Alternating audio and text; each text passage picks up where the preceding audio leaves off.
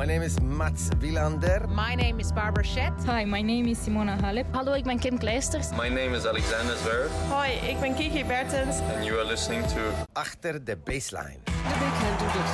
Natuurlijk zou je haast zeggen. Want het is een handelsmerk. Wauw, David Goffin snoept een set af van de King of Clay van Rafa Nadal. Dit is Achter de Baseline. De tennispodcast van Eurosport. Met Abe Kuil en David Avakian.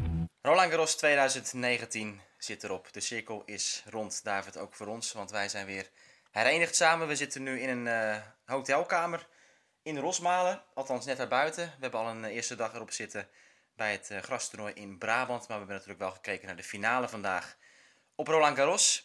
En het is natuurlijk voor de zoveelste keer déjà vu geweest met Rafael Nadal... die weer de Coupe des Mousquetaires heeft gewonnen. Ja, wat je zegt. Nadal weer nieuw stadion, ja, nieuw park, zelfde winnaar. Ja, ik zag ook uh, dat uh, de Wikipedia-pagina even was aangepast uh, van Roland Garros. er stond, Roland Garros is een toernooi dat elk jaar wordt gespeeld. Het begint ergens eind mei en het eindigt met Nadal die de beker kust. ja. ja, het is natuurlijk ongelooflijk. 12 jaar weer tegen Dominic Thiem, net als de finale van vorig jaar. Wat was er anders ten opzichte van vorig jaar nu, met die eindstrijd tussen Nadal en Thiem? Nou ja, goed, iedereen heeft een andere invulling. Maar wat voor mij anders was, is, is uh, ja, zeg maar de aanloop naar Roland Garros van Nadal. Uh, is, is voor mij bijzonder, want hij was heer en meester op Roland Garros. Maar wel na een hele moeizame start van het jaar, sowieso.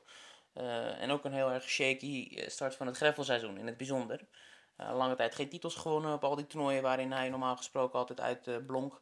Um, maar ja, hij werd met de, met de week beter en hij piekte in Parijs. Ja, en uh, vandaag ook tegen Team. Het was natuurlijk een beetje wel de verwachting dat het anders zou zijn dan vorig jaar. Het team had ook meer geloof in zichzelf. We zagen ook wel dat het spannender was. Want vorig jaar was het toch ja, van het begin tot het eind Nadal die die finale domineerde. Nu zaten de eerste twee sets dicht bij elkaar. Het zag er wel naar uit dat Nadal 2-0 zou voorkomen in sets. Maar opeens was daar een uh, moment aan het einde van die tweede set. Het team had maar één punt gewonnen in de return games in die hele tweede set tot de laatste game, toen het al uh, opeens wat, wat foutjes maakte en er vier punten achter elkaar uh, naar het team gingen. En het was de set opeens weg. Het was in één keer 1-1 in sets. Nadal ging toen uh, de baan ook af. Maar goed, het was het enige moment waarop het team mocht hopen dat er iets te halen viel. Nadal verloor per ongeluk een set, zou, zou ik het willen noemen. Ja, nou ja, goed, we hebben het ook al een beetje zelf erover besproken. Die partij tegen Federer, er zaten wel een beetje parallellen in. In die zin dat het in de eerste twee sets redelijk bij elkaar zat. Federer had die tweede set kunnen pakken tegen Nadal. Deed dat niet. Um, ja, ik zei ook al tegen jou, het was misschien wel terechter geweest als Federer die tweede set won dan team vandaag. Maar dat is dus niet de situatie geweest. Ja, maar goed, ik bedoel, de laatste twee sets waren ook uiteindelijk 6-1, 6-1. Dat ja, kunnen we niet, het is... Waanzinnig. Het is, uh, ik moet wel zeggen, het team begon echt heel slecht aan die derde set zelf. Die, die, die brak zichzelf als het ware ja. meteen in die eerste game. En volgens mij, uh, ja, de eerste vier games, die, in een paar minuten was het meteen 4-0 voor Nadal. Ja, en dan kan je het natuurlijk uh, dan kan je het vergeten als, als team zijn. Ja, nee, goed. Nadal, wat ik net ook al zei, hij, hij was gaandeweg weet je, beter in het toernooi. Tegen Federer was dan ontzettend goed. En hij trok het nu door en was, was zo mogelijk nog beter. Hè? Want hij heeft het zijn allemaal verschillende soorten tegenstanders, maar niemand die weet toch er doorheen te komen weer. Nee, het uh, grappige is wel, wij zaten dus in Rosmalen vandaag. En uh, toevalligerwijs, tijdens het begin van die finale, ging ik zitten met David Goffin voor een interview. En Goffin was tot op dat moment de enige speler die een set wist te pakken tegen Nadal dit toernooi op Roland Garros. En uh, ja, ik vroeg hem ook, uh, voelt het dan toch ergens als een soort overwinning aan voor jou? En uh, hij zei van ja, nee, nee, zo kan je het natuurlijk niet zien. Een nederlaag is een nederlaag. Um, ja, ik heb wel goed gespeeld die derde set, zeer agressief. Toen kon hij dus een set winnen van Nadal. Maar Goffin ging ook door. Hij zei van ja, het is zo lastig om op die baan tegen Nadal te spelen, het Cours Philippe Chatrier, omdat het zo'n immens grote baan is met zoveel uitlopen. Het is een baan als geen andere. Nou, jij hebt er ook natuurlijk gezeten twee weken lang in het stadion, uh, David. Um, wat is de indruk dan krijgt? Is het dan echt dat jij denkt van dit maakt Nadal alleen maar sterker? Dat hij zoveel ruimte ook heeft uh, overal om, om ballen te halen, et cetera? Of, of is het toch een ander verhaal? Nee, dat heb ik. Dat gevoel heb ik wel heel erg. Dat, dat is ontzettend groot voor de mensen die het misschien op tv niet zo goed zien. Um, ja, of het nou aan de zijkant is of aan de achterkanten de baan is echt ontzettend. Er is zoveel uitlopen. Nadal die kan overal ook vrijuit naartoe lopen. Hè. Hij heeft nooit het gevaar dat hij ergens tegenaan loopt. Um, maar dat betekent overigens niet dat Nadal er ook blijft staan. Hè, want dat is een misverstand. Dat Nadal um, vanaf het begin van de rally tot aan het einde uh, er achterin blijft hangen. Nee, totaal niet. Hij retourneert weliswaar van achteruit. Maar als hij dan de kans heeft eh, dan stapt hij in de meeste gevallen meteen daarna al in. Ehm, maar zo nodig eh, wat later. En als we naar de finale kijken, loopt hij soms echt helemaal door naar het net. Meer dan eens. En ja, daar is hij gewoon echt eh, een killer. Ja, het zijn natuurlijk vaak wel afmaakvolleys die hij kan, eh, kan maken. Daar wil ik straks even wat meer op eh, terugkomen. Want er zijn leuke uitspraken ook over gedaan in de persconferenties door de twee spelers. Maar zoals ik het een beetje zie, die, die diepte van de baan. Het is vooral de return waarmee je natuurlijk echt dan wel die optimale ruimte benut. Hij staat bijna tegen de lijnrechter aan. Datzelfde geldt trouwens ook voor Dominic Thiem. Ehm, verder is het volgens mij meer een soort beeld, misschien dat is blijven hangen vanaf de beginjaren, heb ik het idee. Want vroeger, toen Nadal natuurlijk aanvankelijk won, was hij echt die, eh, die Speedy Gonzales die alleen maar heen en weer rende en, en echt daar achterin bleef hangen. En vooral op de verdediging toch eh, wedstrijden won. Dat is echt helemaal veranderd door de jaren heen. Maar nog steeds maken mensen opmerkingen over dat, dat, eh, dat feit van ja, maar hij wint ook omdat die baan zo, zo lang is. Ik denk van ja, nou ja, volgens Ja. mij is, het- is Nadal echt een andere tennisser geworden. Dat zag Ja. ook in die finale nu weer. Hij retourneert, komt naar voren en staat zelf gewoon te domineren in die rallies. Ja, maar iets wat wel eh, heel opvallend is en een vast patroon bij Rafa, en wat misschien dan toch het beeld is dat bij velen blijft hangen, is, is het feit dat als hij onder druk staat en in de verdedigende mode zit, dan staat hij best wel ver en hij werd zo ongelooflijk veel ballen terug te halen. En hij anticipeert natuurlijk ontzettend goed, want ja, het aantal keren dat Nadal in een wedstrijd op het verkeerde been wordt gezet is echt op één hand te tellen. Ehm, dus hij anticipeert heel goed en geeft zich dan in die verdedigende mode dus natuurlijk wat extra meters om, om die bal terug te slaan. Had hij altijd op die baseline gestaan, ook bij het verdedigen, ja, dan had hij misschien wel gezien waar die bal heen gaat, maar dan was het fysiek onmogelijk geweest. Ja. Dus misschien in combinatie met dat ontzettend ja, ja, vergevorderde anticipatievermogen is dat... eh, En het is misschien ook wel een, een- een mentaal dingetje. Dat je als speler dus ziet. Je ziet eigenlijk eindeloos gravel aan de overkant. En je denkt van ja, hoe ga ik in hemelsnaam hier ruimte vinden om door Nadal Ja. heen te komen of zo. Dat je, dat je ook het, het lijkt allemaal zo groot. En je ziet die ruimte die Nadal overal heeft om eventueel daar nog heen te lopen. Of eventueel daar nog heen te lopen. Dat dat ook gewoon een soort blokkade misschien wel creëert. Heb, eh, heb, heb, heb jij nooit dat je tijdens eh, een wedstrijd van meerdere spelers, maar ook bij Nadal, dat je jezelf dan in de, in de, in de schoenen zet van, van zo'n speler? Ik, ik denk dan altijd, ja, ik zou toch een dropshot spelen? Maar goed, dan zie je ook weer dat hij er natuurlijk weer goed anticipeert en dat ook haalt. Maar dat lijkt me erg verleidelijk als tegenstander, als je hem dan wel bij het retourneren ook zo ver ziet staan. Ja. Wat Kyrgios natuurlijk ook met onderhandse eh, service deed in Acapulco. Dus, eh, ja, niemand ja. heeft het gedaan, hè, dit toernooi. Niemand heeft het toch geprobeerd om het eh, met de onderhandse service tegen, Tegen Nadal, Nadal niet, nee. Wel, wel een andere wedstrijd natuurlijk. Bublik tegen, Tegen Thiem. Tegen team. Tegen tot drie maal toe. Ja. Ja. Nee, ja goed. Maar kijk, nogmaals, het is natuurlijk niet zo dat Nadal alleen maar op Roland Garros heel dominant is. Hij heeft nu dan dit twaalf keer gewonnen, maar de cijfers in Monte Carlo, in Barcelona, in Rome, die zijn ook waanzinnig. Ja, met goed, met dubbele cijfers in, in Monte Carlo en Barcelona, ook elf titels daar gewonnen. Dus dat, ehm, en, en daar zijn de banen toch ook iets anders in dat opzicht qua uitloop. Ja, het is, het is gewoon ehm, onbeschrijfelijk. eh, er gingen ook dingen rond op social media. Van noem nou eens een prestatie in welke sport dan ook. Die groter is dan dit. Twaalf keer hetzelfde toernooi winnen. Laat staan dat het een Grand Slam toernooi is ook nog eens. Het is natuurlijk gewoon nauwelijks te vergelijken met andere zaken. Nee, nou ja, ik, ik, zou ook niet eh, weten wat ik ermee zou moeten vergelijken. De dominantie van Nadal op, op gravel en dan op Roland Garros als, eh, ja, als toch als hoofdprijs van dat seizoen. Ja, is, eh, is onbeschrijfelijk. Ja, laten we naar de reactie van de spelers gaan om te beginnen.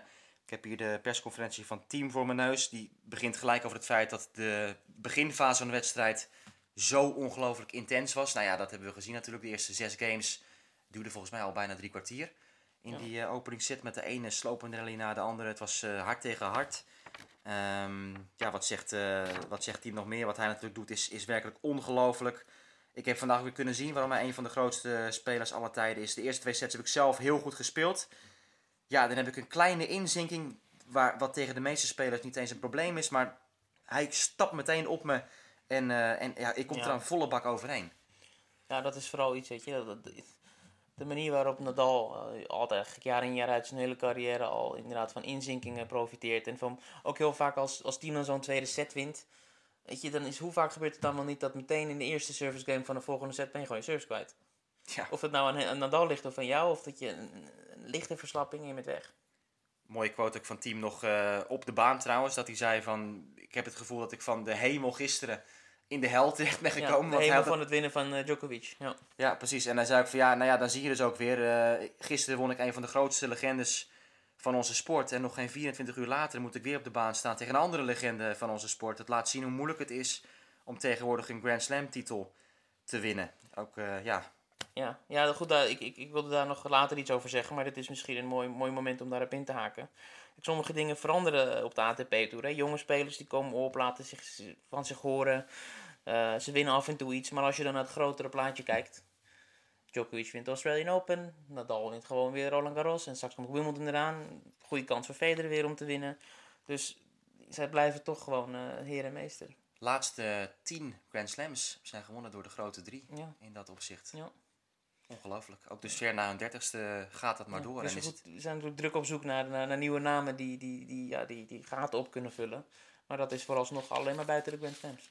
Nee, en ik, ik moest ook wel lachen als je natuurlijk die halve finales, die line-up zag met Nadal, Djokovic, Federer, team. Dan had je dus eh 52 Grand Slam titels. Plus team. Ja, Het is, eh, ja, ehm, het volleren, daar ging het ook over, eh, David. Laten we daar even op inhaken. Want team was ook zo lovend over Nadal. Ehm, als je iedereen vraagt in het proftennis van de mannen, iedereen zal je vertellen dat hij een van de beste volleerders is, is in onze sport. Eh, de laatste keer dat hij een volley miste was waarschijnlijk ongeveer zeven jaar geleden.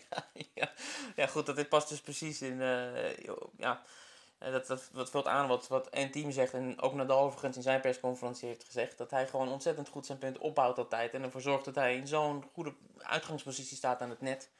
Dat het eigenlijk heel vaak een weglegvolley is. Dat als hij het net staat, dan is het eigenlijk het punt in 9 van de 10 keer. Ehm, maar we hebben vandaag ook gezien dat hij ook eh, zeer moeilijke volleys eh, op, op wonderbaarlijke wijze toch weg kan leggen. Eentje die hij terug liet in het net. Dus ja, Het fysieke aspect, dat was uiteraard nog een eh, vraagteken van tevoren. Vier dagen op rij spelen, zou dat iets uitmaken voor Dominic Thiem? Nou, dat heb ik niet gezien in deze wedstrijd. En, eh, en- Ja, Nadal zijn nog iets grappigs. Hoe oud is die? 25, 26 team? Nou, dat zou het niet uit moeten maken. nee, precies. Nou, dat, dat was ook niet zo. Het team zegt ook van het was een Grand Slam finale, dus ik voelde me niet moe in deze wedstrijd. Wel een kleine opmerking aan de andere kant. Een wedstrijd als gisteren, winnen van Novak, over twee dagen verspreid met al die onderbrekingen. Tuurlijk laat dat dan ook wel bepaalde dingen achter in het lichaam en ook in de geest. Dat is wel iets eh, dat dus wel ergens meespeelde. Maar nogmaals, fysiek had hij eigenlijk niet echt ergens last van vandaag. Team. Een ander puntje is, ehm, hij vergeleek die finale van vorig jaar met nu. Eh, de vraag was, is Rafa zo goed als ooit? Is hij beter dan ooit? Wordt hij nog steeds beter? Wat vind jij daarvan? En team zegt, eh, ja, hij wordt ook nog steeds beter en ontwikkelt zijn spel. Als hij dat niet zou doen, dan zou hij ook niet jaar in, jaar uit succesvol zijn bij dit toernooi. En ik denk dat we allebei beter zijn geworden ten opzichte van vorig jaar al dus, eh, team. Ja, maar goed, dat geldt voor al die, die toppers. Hè. Je denkt dat zijn meervoudige Grand Slam winnaars, dus ze blijven gewoon doen wat ze het al tien jaar lang doen. Nee, want kijk, als je naar, naar alle drie in dit geval zou kijken, alle drie veranderen ze en evalueren ze hun spel en, en voegen ze dingen toe. Ja, en wat, eh, wat Nadal ook zelf af en toe zegt, is dat hij natuurlijk ook weet... Kijk, zijn lichaam is ook niet meer zoals hij toen hij Ja. 17, 18 was. Toen hij echt vol power, hè, die meters achter de baseline constant heen en weer kon rennen. Hij moet nu ook gewoon die punten korter houden. Daar werkt hij natuurlijk al jaren aan. En dat zie je ook op gravel nu gewoon. Hè. Die backhand die echt gewoon constant wordt aangepakt. Eh, nou, de, de agressieve mindset bij, bij de voorrijd. Hij wil gewoon, als het even kan, hup, rally overnemen en zelf het punt maken. Gaan we nog los naar de Nadal's persconferentie? Ja? Oké, dan laat- laat ik dit even zo meteen. Oké, ja, dan moet ik even mijn papieren overpakken. Want hier hebben we de persconferentie van Nadal. Ja, ik, dan zie je altijd die uitslag gelijk bovenaan staan. En dan ja, 6-1, 6-1, die laatste twee sets. Het is toch weer echt, eh, echt waanzinnig tegen de Gravel Prinsen, David. Want zo blijft hij toch eh, genoemd worden. Wat volkomen terecht is volgens mij. Ja, als je twee jaar op rij eh, de finale haalt en tussendoor vier keer van Nadal wint op gravel, dan verdien je die titel. Heb jij iets wat je specifiek wilde aanhalen? die Nou, nee, ik vond het gewoon een, een opmerkelijk moment. Was, eh Nadal staat er natuurlijk onbekend en wordt door velen geroemd om het feit dat hij elk punt zo op dezelfde manier speelt en intens is. En elk punt speelt alsof het het laatste punt is en dat het, alsof het een matchpoint is.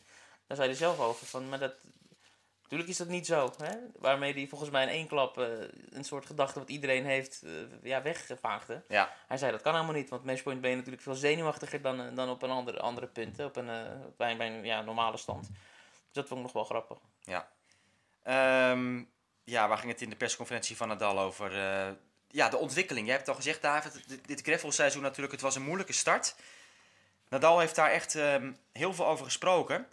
Ehm, want Carlos Moya heeft ook verteld dat het echt een, een hele zware periode is geweest eh, voor Nadal. In mentaal opzicht vooral. En Rafa zei van ja, het is gewoon moeilijk als je zoveel problemen op rij meemaakt. En dan ging hij eigenlijk dus terug naar de afgelopen 18 maanden. Ja. Hij zei, vorig jaar heb ik in principe een fantastisch jaar gehad, maar ik heb toch maar negen toernooien gespeeld, waarvan ik er maar zeven kon eh, uitspelen. Ja. Ja, en dan dit jaar weer die klap in die Wells, weer een terugslag. En Ja. En echt een mentale dip hè, voor hem daar, daarna, daardoor. Ja, klopt. En, eh, en hij zegt, ja, dat, dat is eh, een, een- proces geweest om daaruit te komen. Mentaal heb ik een tijd met weinig energie gespeeld. Omdat ik dus echt het gevoel had van, kan ik mijn lichaam nog vertrouwen? Hè? De onzekerheid eh, daarover. Monte Carlo, Barcelona was moeilijk in dat opzicht. Mentaal had ik het niet naar mijn zin. Ik maakte me dus te erg zorgen over mijn gezondheid. Ik was te negatief. Na de eerste ronde in Barcelona ben ik een paar uur alleen geweest in mijn kamer. Ben ik gaan nadenken. Wat gaat er nu precies, eh, eh, wat speelt er nu precies allemaal? Wat, wat maak ik mee? Wat moet ik doen? En toen waren er een paar opties, zei Nadal. Er was een optie om te stoppen voor een tijdje, om mijn lichaam helemaal te laten herstellen.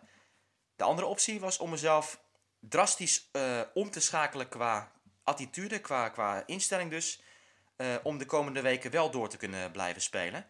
Nou, en daar heeft hij dus echt een soort knop in zijn hoofd kunnen omzetten. Hij zegt, daar heb ik de, de mogelijkheid weer gevonden om, om, om terug te vechten, om weer te focussen op elk klein detail waarin ik mezelf kon verbeteren. En toen zag ik, oké, Barcelona, het werd stapsgewijs beter, maar dit werd weer een stukje beter. Rome was echt al een enorme vooruitgang en hier heb ik een fantastisch toernooi gespeeld. Ja. Nou, ik ben wel geïnteresseerd om daar later meer over te horen. Over dat moment in Barcelona waarop hij dan zegt: ik moest mijn, mijn mindset eh, eh, veranderen. Want ook nogmaals, bij Nadal heb je toch altijd het idee dat hij dat soort dingen altijd perfect op een rijtje heeft. Hoe hij zich op de baan moet gedragen, hoe hij gewoon zijn zaak aanpakt. Maar ja, kijk, ook hij eh, worstelt daar dus eh, stevig mee. Nou, we hebben natuurlijk een paar jaar geleden het voorbeeld gehad dat hij in feite gewoon een, een jaar mentaal slecht was. Ja, dat was eh, geen, eh geen aangenaam gezicht. Nee, en, en dan ook steeds maar weer die vragen erover. En, en dat, hij, dat, dat is ook bizar aan Nadal, dat dat hij het toch steeds weer uitlegt in de pers. En van ja, ja, en ik was gewoon weer zo zenuwachtig. En, en al die details die, die hij dan voelde in zijn hoofd. En ehm, toen dachten we natuurlijk ook al een beetje van, goh, ja, komt dit ooit nog goed? En vervolgens kwam het goed, werd hij echt weer eh, ja, het, het beest dat hij was. Het, het, het opvreten van tegenstanders, et cetera, kon, kon hij weer helemaal terugvinden. Fysiek natuurlijk ook weer even een tijdje een betere periode gehad. Maar ehm, ja, dat is eh, nu afwachten, zegt Nadal ook. Hij wil nu vooral genieten natuurlijk, wetende ook... Het kan weer zomaar misgaan. We zullen zien hoe het allemaal loopt. Eh, hier ben ik nu 33 jaar oud. Ik geniet weer van wat ik aan het doen ben op de baan. Laten we gewoon kijken hoe lang ik dit kan managen en hoe lang ik dit kan, eh, kan doortrekken. Ehm, ander thema, uiteraard, is het feit dat hij nu op 18 Grand Slam titels staat, David. De vraag eh, werd gesteld van, goh, je staat nu twee titels af van het record van eh, Roger Federer. Wat al eerder had, hè, een keer. Totdat Federer de Australian Open weer greep. Dat was ook een moment. Het is niet de eerste keer dat hij op, op twee afstand staat. Nee, twee is al de eerste keer, toch? Of Nee. eh, ben ik eh, verkeerd? Oké, nou ja, in ieder geval staat hij staat twee, eh, twee, twee af nu van, van het record van Federer. Eh, Nou, we hebben Djokovic dit toernooi ook weer een paar keer horen praten erover dat het voor hem echt wel een dingetje is eh, waar hij mee bezig is. Omdat, eh, om al die records te, te willen breken, het is een motivatie. Nadal zei het ook, nu. Het is een motivatie, maar het is niet mijn obsessie. Als je me vraagt of ik het wil verbreken, tuurlijk, dat, eh, dat zou ik graag doen. Maar het is niet een doelstelling in mijn carrière. Het is niet de manier waarop ik mijn sport beleef. Het is niet zoals ik eh, mijn, mijn pad zie. Ik ben gewoon bezig met, eh, met mijn eigen zaken. Ik, ik volg mijn eigen pad dus. Ik denk niet dat mijn toekomst meer waard zal zijn als ik het record van Federer evenaar. En ehm, ja, hij zegt ook, ik, ik ben al veel verder gekomen in mijn carrière dan ik had kunnen denken. En hij zei nog een keer van, hè, dat hij dus nu weer waardeert dat hij nu weer fit is en kan tennissen. Nou, ik geloof er niet zo in. Wel, wel dat, hij, dat zijn carrière ook natuurlijk ontzettend veel waard is als hij het niet haalt. Maar ik, ik, ik kan niet geloven dat Nadal niet die 20 van Federer wil, wil evenaren of verbreken. Dat, dat geloof ik niet. De mooiste quote was, eh, daar, daar komen we zo op. Eh, hij zei ook nog van, natuurlijk pushen we elkaar. Ehm, waarbij Nadal ook zei van, ja kijk, eh, toch nog even aanhalen. Ik heb volgens mij 15 of meer Grand Slams gemist in mijn carrière vanwege blessures. Dus dat is voor mij sowieso moeilijk geweest. Maar als ik eerlijk ben, ik heb daar nooit veel over geklaagd. En ik heb nooit gedacht van, goh, zal ik Roger gaan inhalen of niet? Je kunt niet de hele tijd gefrustreerd zijn, daar komt hij. Omdat je buurman een groter huis heeft dan jij, of een grotere tv, of een mooie tuin. Zo sta ik niet in het leven. Fantastisch. Ja, goed. En het is, ik bedoel, wij hebben natuurlijk eh, al heel, heel vaak gezien hoe Nadal die Engelse persconferenties eh, doet. Dat is altijd gewoon een comedy show. Ja, dus eh, ja, goed, het is, eh, het is inderdaad heel komisch. Vervolgende, vervolgens ging het natuurlijk ook over wat nu voor Nadal. Hij is weer helemaal in de flow. Wimbledon komt er straks aan. Wat is het plan voor Rafa? Hij zegt, ja weet je, zoals iedereen weet speel ik heel graag op gras. Nou, ik heb die zin toch even onderstreept. Want volgens mij zijn er heel veel luisteraars eh, die dat niet zo goed beseffen. Dat Nadal echt, Ja, ja. gewoon echt houdt van het grastennis. Eh, maar goed, zijn lichaam werkt natuurlijk gewoon vaak niet mee. Dat hebben we de laatste jaren vaak meegemaakt. Ja. Dat hij eh, met zijn knie daar toch altijd issues had. Steve Darcis, eh Rosol, Brown, spelers waar hij van verloor natuurlijk in een, eh, in een fase van, van korte tijd. Maar Nadal zegt wel, de laatste twee jaar eh, ben ik echt weer close geweest. Vorig jaar natuurlijk een paar punten af van de winst tegen Djokovic. Close bij, eh, bij wat? Hoe bedoelt hij? Op Wimbledon, dat hij, dat hij voor zijn gevoel echt, echt weer goed eh, kon spelen daar. Ja, en dat hij gewoon echt natuurlijk dicht bij de, de titel misschien wel was. Zeker vorig jaar. Als hij daar die halve finale van Djokovic wint, dan, dan, dan wint hij ook van een Ja. eh, uitgebluste Anderson in de finale. Dus dat, dat hing er echt om. En eh, twee jaar terug verloor hij van Gilles Muller. Nadal zegt ook, ja, daar speelde ik ook fantastisch tennis. Was ik ook heel dichtbij een kwartfinale plek met uitzicht op meer waarschijnlijk. Of nou ja, dat zei hij niet, maar het, het gevoel dat er echt dan iets, iets nog te halen viel. Dus ja, dat is eh, hoe Nadal ook een beetje vooruit kijkt richting Wimbledon. Ja, voor de duidelijkheid dus geen voorbereidingstoernooi hè, op Wimbledon. Nee, hij Dus gaat geen, Hij, eh, hij start en eindigt zijn grasseizoen op, eh, op Wimbledon. Ja, want hij zegt hoe graag ik dat ik zou willen, dat, dat, dat kan ik gewoon nu niet. Ja. Hij moet zijn lichaam weer natuurlijk een beetje eh, laten herstellen ook. Ja. En dan weer hopelijk kunnen pieken Ja. op, op dat moment. Nou, het is goed nieuws voor hem dat Mallorca een, een grastoernooi heeft bij de vrouwen, hè, waar hij dan zijn voorbereiding ongetwijfeld zal doen. Ja, en dat waren de persconferenties van beide finalisten. Nou ja, wat ook nog zo is, is dat Nadal weer de eerste positie heeft overgenomen nu van Novak Djokovic in de race to London. Dus de jaarranking, daarop heeft hij nu de meeste punten verzameld. Maar Djokovic blijft natuurlijk wel de normale nummer 1 van de wereld. Sterker nog, hij loopt eh, uit op Nadal in dat opzicht, omdat hij vorig jaar kwartfinale verloor. En nu halve finale. Dus ja, David, eh zelfde vraag eigenlijk toen we het gisteren over de vrouwen hadden. Wat blijft bij jou verder nog hangen uit het mannentoernooi hier op Roland Garros? Ja, nou goed, het overduidelijke wat we net hebben besproken. Weer Nadal, laat ik het zo maar samenvatten. Ehm, maar verder ook dat dat team gewoon zijn positie eh, tot op zekere hoogte als, als Greffelprins weer heeft, eh, heeft, heeft waargemaakt. De terugkeer van Federer was uiteraard een heel groot eh, punt. en dat hij het ook zo goed deed. En het hele Greffelseizoen gewoon prima presteerde. En, en op Roland Garros weer de halve finale haalde. Het feit dat Djokovic voor vier op rij ging en eh, daar niet in sloeg. Op vier Grand Slam overwinningen op rij. Eén wedstrijd is mij vooral heel erg bijgebleven. Eh, wat mij betreft de wedstrijd van het toernooi. Eh Tsitsipas tegen eh, Wawrinka. Gewonnen door Wawrinka na 5 uur 9 minuten. Ehm, en voor mij persoonlijk was het wel bijzonder dat ik voor het eerst in mijn leven eh, live een wedstrijd van Federer tegen Nadal eh, meemaakte. Ja, dat is een, eh, een belevenis inderdaad. Ik wil eh, even doorschakelen naar wat algemene thema's die nog wel relevant zijn. Want we hebben natuurlijk diverse zaken gezien dit toernooi ook eh, van de verbouwingen die gaande zijn. Daar zijn ze nog steeds mee bezig. Volgend jaar, dan is er een dak. Nou, dat zult u inmiddels ook wel weten als eh, luisteraar, denk ik, met alle regen van de laatste tijd. Ehm, avondsessies komen eraan in 2021. Roland Garros heeft een bezoekersrecord gebroken dit jaar. Natuurlijk dankzij het nieuwe stadion ook. Voor het eerst meer dan 500.000 bezoekers. Zijn er zo'n 520.000 geweest. En het toernooi was uitverkocht vanaf de eerste dag. Ook dat is eh, interessant om te melden. Omdat natuurlijk we vaak hebben gezien dat het niet vol zat op het centenkoord. Dat heb je ook vaak meegemaakt, David, toen je Maar goed, nogmaals, ik heb een paar keer geprobeerd eh, uit te leggen waar dat ook komt. En ja, het is gewoon nu eenmaal zo dat op die middaguren die Fransen gewoon aan het eten zijn. Het is echt zo. Het, het, het, het park buiten het stadion, dat is gewoon bomvol. Dat is af en toe kan je er niet doorheen komen. Je staat in de file van mensen. Dus die mensen zijn wel degelijk eh, binnen de poorten, maar ze weten niet altijd een stoeltje op tijd te vinden. Het is een thema geweest dat ook is besproken in de persconferentie. En er wordt ook gezegd, inderdaad, ehm, door eh, Guy Forget, de toernooidirecteur, eh, als we het over de toeschouwers hebben, ze zijn er altijd geweest. In, eh, bij de schermen, bij de stadions, waar dan ook op het park. Maar op de hoofdstadions hebben we het probleem gehad met de loges natuurlijk, die leeg zijn geweest. Dat is niet Ja. iets nieuws, dat is al iets wat de laatste paar jaar speelt. Ja, en dat is niet iets van Roland Garros alleen hoor. Nou, dat wil- wilde ik net zeggen. Hij zegt ook even van, eh, we weten dat we, dat we stappen moeten zetten om dat te verbeteren. Maar ik wil jullie even eraan herinneren dat toernooien als de US Open of andere toernooien op de Tour met dezezelfde issues zitten. Dus ja, ze zeggen ook, ze willen een soort plan creëren, zodat mensen misschien voor de ochtend alleen kunnen komen in die loges en dan eh, de andere mensen na de lunch pas weer aanschuiven daar in die boxen om het dan toch altijd vol te houden. Ja, of je moet, die, je moet die loges verschuiven naar boven. Ja, maar dat gaat niet gebeuren. Dat, dat, gaat, dat gaat nooit gebeuren. Ja, want in Rotterdam heb je met hetzelfde probleem, hè? Ja. Daar is het echt extreem. Klopt. Ja, ze zeggen, ze zeggen dus ook, we willen misschien ook een soort systeem bedenken, net als bij hotels, dat je als het ware kunt overboeken in een hotel of, of in een, in een, eh, bij een airline.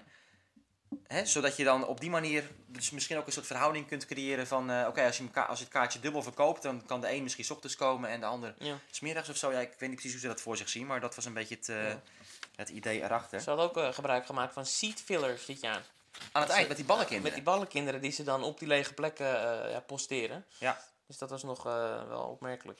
Nee, ze zeiden ook van, kijk, het belang van die loges is natuurlijk enorm voor ons toernooi. Anders dan kunnen we, ja, dan kunnen we, nou ja, de boel opdoeken ging een beetje ver. Maar dan, dan kunnen ze niet eh, verbeteringen aanbrengen. Wat ze ook zeiden, tussen 2008 en 2021 hebben ze straks 500 miljoen euro geïnvesteerd in de verbouwing en uitbreiding van het tennispark. Dus ja, dan moet je toch ook ergens het geld eh, Ja, vandaan zien te halen. En zeker ook omdat het prijzengeld voor de spelers elk jaar nog ja. omhoog gaat.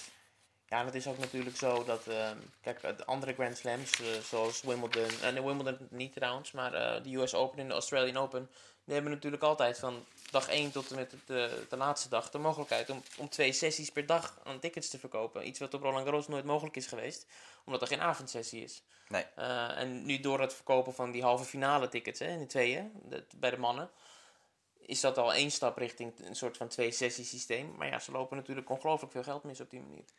De avondsessies gaan er dus komen over twee jaar. Daar is ook al een beetje over gesproken. Ze willen dan één avondpartij maar inplannen. Want nou ja, we kennen natuurlijk vanaf eh, de Australian Open, de US Open, die avondsessies die soms echt enorm uit de hand lopen. Met twee avondpartijen waarbij je eindfases hebt. Soms van na één uur, twee uur s'nachts. Of eh, als het heel extreem is, eh, dit jaar volgens mij na drie uur s'nachts werd er een wedstrijd nog uitgespeeld van Muguruza en Conta, geloof ik. Oh ja, ik zat in het stadion toen. Ja. Ja. Tot het eind. En ze zeggen van, kijk, tussen, na 11 uur willen we in principe niet meer dat er nog eh getennist wordt, hebben ze hier aangegeven. Dus we gaan in de gaten houden of dat ook inderdaad niet... eh, Ja, en die omwonenden die zijn natuurlijk vrij hardnekkig eh, daar in Bois de Boulogne. Ja, nou ja, op Wimbledon mag het sowieso niet. Daar hebben ze de avondklok. Daarom moest Zo, eh, ja. Nadal en Djokovic vorig jaar de baan af.